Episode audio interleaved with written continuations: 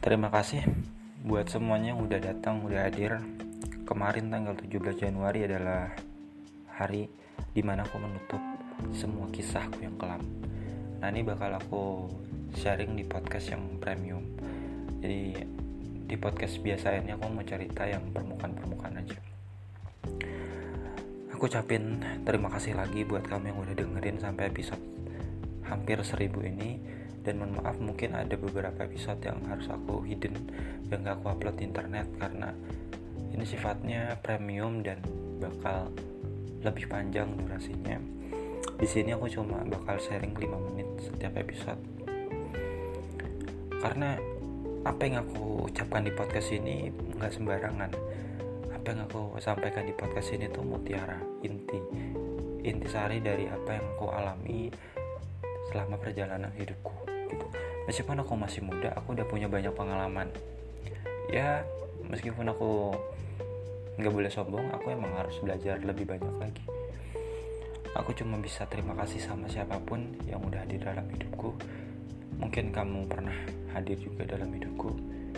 Dan untuk sekarang aku memang membuka hati untuk orang lain terutama untuk perempuan tapi aku mau lebih waspada dan hati-hati untuk nggak salah menaruh harapan nggak salah orang lagi nggak. Ya pokoknya lebih hati-hati aja lah. Kalau kamu mau masuk dalam hidupku hati-hati ya. Ini peringatan buatku. Sekalinya kamu masuk dalam hidupku akan susah untuk lepas. Susah.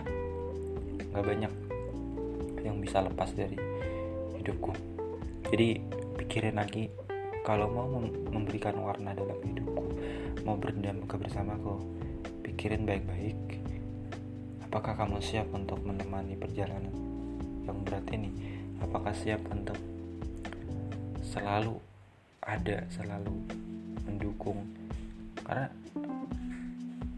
berjalan bersama tuh nggak mudah. Mengisi hati mengisi ruang di hatiku tuh nggak mudah. Dan belum ada satupun yang benar-benar cocok karena emang aku sadar aku juga nggak sempurna mereka nggak sempurna. Ya udah kita sama-sama belajar sama-sama menghargai bahwa oke okay, it's fine. Semuanya akan baik-baik aja pak akhirnya semuanya akan kembali normal it's okay. Kita nggak perlu sedih kita nggak perlu patah hati. Kita cukup belajar sadar diri bahwa orang-orang yang hadir dalam hidup kita itu nggak semuanya baik. Misalkan soal hubungan romantis ya hubungan percintaan gitu.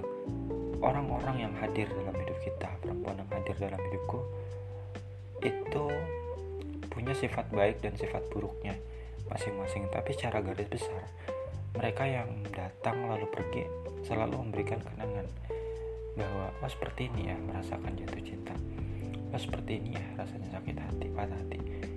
Nggak nggak ringan. Itu untuk memulihkan keadaan itu nggak nggak mudah. Jadi apalagi kalau kita punya kehidupan profesional ya kerjaan dan itu kan emang nggak bisa dicampuri urusan perasaan. Kalau profesional ya harus profesional harus baik apa pun suasana hati kita gitu. Dan itu yang membuat aku aku kurang suka bekerja di dunia profesional karena aku lebih ke jiwa seniman. Ke jiwa artis. Artis tuh bukan cuma artis sinetron ya tapi artis tuh bisa ke seniman pembuat karya seni konten kreator itu seniman. Karena pas seniman atau artis itu adalah orang yang jiwanya bebas nggak terikat oleh jadwal nggak terikat oleh dunia profesional.